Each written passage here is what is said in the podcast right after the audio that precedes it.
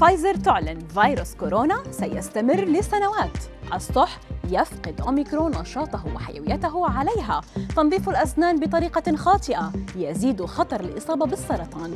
أبرز أخبار الساعات الأربع والعشرين الماضية في دقيقتين على العربية بودكاست.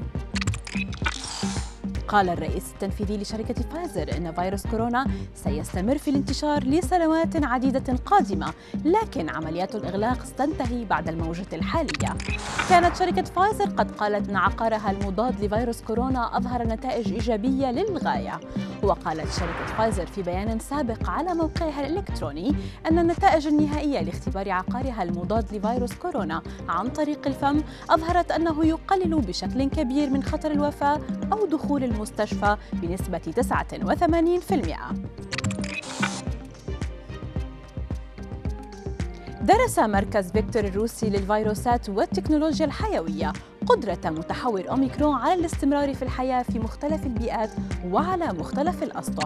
وكشفت الدراسة أن سلالة أوميكرون تفقد حيويتها وقدرتها على الاستمرار بشكل أسرع على السيراميك وفق ما نقلت وكالة تاس الروسية. فقد ثبت بالتجربة أن نشاط الفيروس يثبت ويتلاشى على السيراميك بشكل أسرع ويصبح غير قادر على الحياة بعد أقل من 24 ساعة.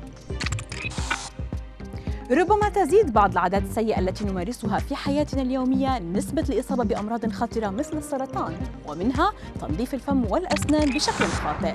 فقد كشفت دراسة حديثة من جامعة هارفارد أن خطأ واحدا في نظافة الفم يمكن أن يزيد من فرصة الإصابة بالسرطان بحسب ما نشرت صحيفة ميرر البريطانية.